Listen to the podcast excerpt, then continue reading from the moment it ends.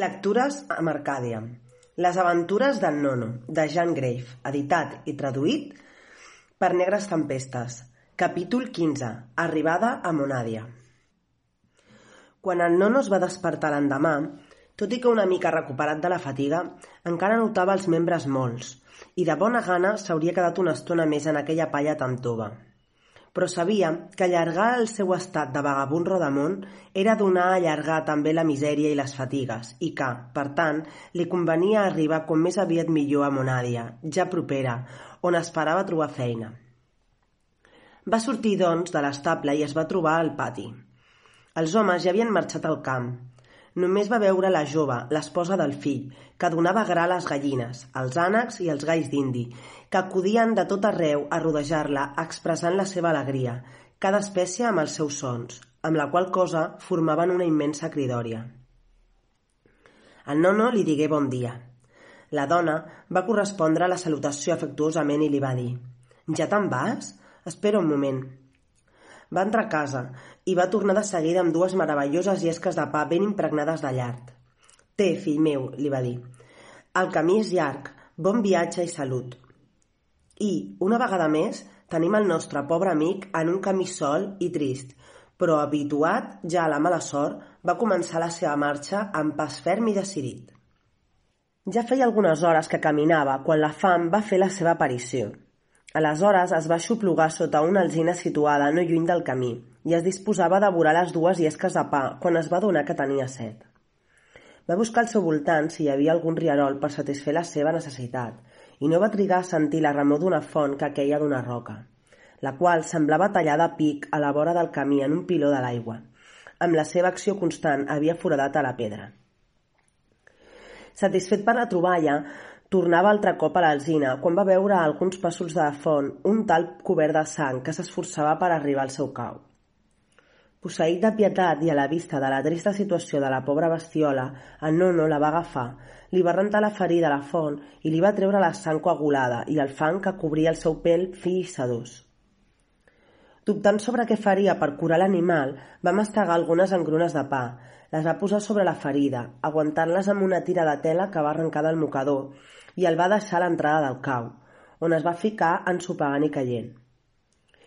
Es va sentir una mica millor i, quan va haver acabat la segona llesca de pa, el nono va començar a caminar de nou. Però, malgrat la seva activitat, li va ser impossible arribar a Monàdia aquell dia, i la nit el va sorprendre en ple camp, lluny de cap població i sense cap casa a la vista on demanar hospitalitat, per la qual cosa va decidir passar la nit en un gran munt de palla que va veure en, en un camp a prop del camí. Es notava que un altre individu havia pernoctat en aquell mateix lloc, perquè hi havia un forat fet indubtablement per posar un cos humà a l'empara de la intempèrie. En Nono s'hi va ficar, rendit i famolenc, i es va dormir profundament. La nit va ser molt freda i a l'alba es va despertar gelat i amb una fam molt exigent, que va intentar calmar amb alguns grans de blat de les espigues que va poder recollir per allà. Se'n va guardar algunes a la butxaca per entretenir la gana pel camí i va continuar la marxa cap a la capital. La proximitat s'endevinava perquè augmentava el nombre de viatgers en el camí. Els carruatges eren també més nombrosos, uns anaven carregats de gèneres de totes classes i d'altres tornaven buits o carregats de mobles, màquines, teles i una infinitat de coses que anunciaven un trànsit important i una indústria molt desenvolupada. El nombre de cases augmentava. Al principi es veien molt espaiades, però després s'ajuntaven fins al punt de convertir el camí en un carrer, el qual no acabava fins a arribar a uns 100 metres de Monària. Un cop allà, en Nono es va, trobar, es va trobar sobre una elevació des de la qual es podia veure un extens espai. Allà baix, en una plana immensa, la capital d'Argirogràcia mostrava les seves cases i els seus ravals, les elevades cúpules dels seus palaus, i les torres, els campanars, les agulles i les fletxes dels seus temples. Allí era una confusió de parets, sostres, golfes i finestres on no s'hi podia fixar la vista detalladament. El nono es va aturar per contemplar aquesta ciutat que l'espantava per endavant, desconeixent i tement a la vegada la sort que l'esperava allà. Va romandre així algun temps, absort en aquesta contemplació. Va fer una darrera mirada de sentiment darrere seu, sobre el camí recorregut, i el seu pensament va arribar fins a autonomia. Fins als seus companys i els seus pares, els quals potser no tornaria a veure, i es va disposar a baixar el camí que conduïa a les portes de la ciutat.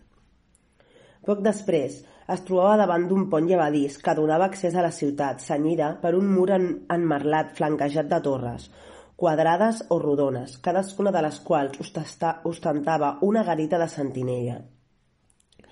A la part alta d'aquelles torres surava la bandera de Monàdia, un gran pavelló groc sembrat de taques vermelles en forma de gotes de sang, i al centre, brodat en negre, un ratpenat de l'espècie vampir, amb les ales desplegades, semblants a aquells que van portar en Nono des d'autonomia.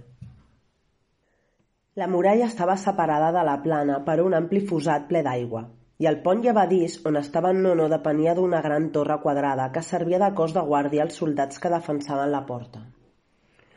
Una pesada reixa de ferro, que en aquell moment estava alçada, estava disposada per caure i tancar l'entrada en cas de sorpresa.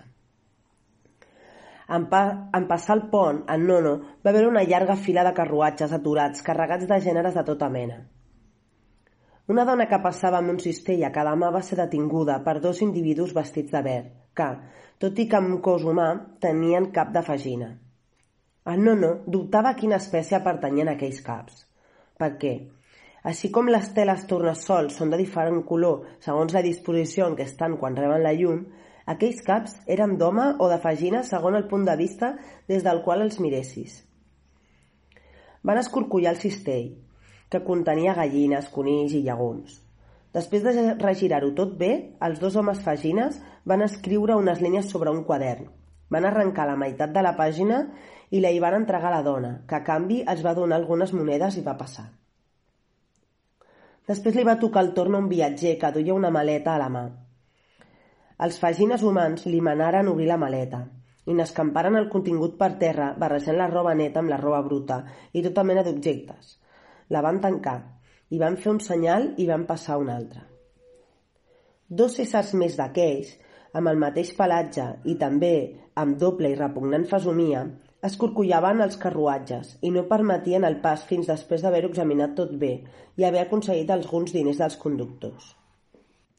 Ah, Nono, que no duia equipatge ni res a la vista, el van deixar passar lliure de drets, després d'una minuciosa inspecció visual per assegurar-se que no ocultava res entre la roba que fos susceptible de pagament. Hi havia diversos sentinelles a cada certa distància, i els soldats que esperaven el seu torn en el cos de guàrdia fumaven o reien. N'hi havia de diverses classes. Entre els que muntaven la guàrdia n'hi havia uns, uns que estaven armats amb llargues piques. Al costat portaven un sabre que penjava d'una bandolera, una cuirassa de ferro els protegia el bust i un casc adornat amb una ploma airosa defensava el seu cap. Es notava que aquests, amb els seus picotis grisos, pertanyien a les tropes veteranes. Però estranyament, i igual com els que registraven els passatgers a l'entrada de la ciutat, en Nono va observar que aquells soldats tenien doble fisonomia.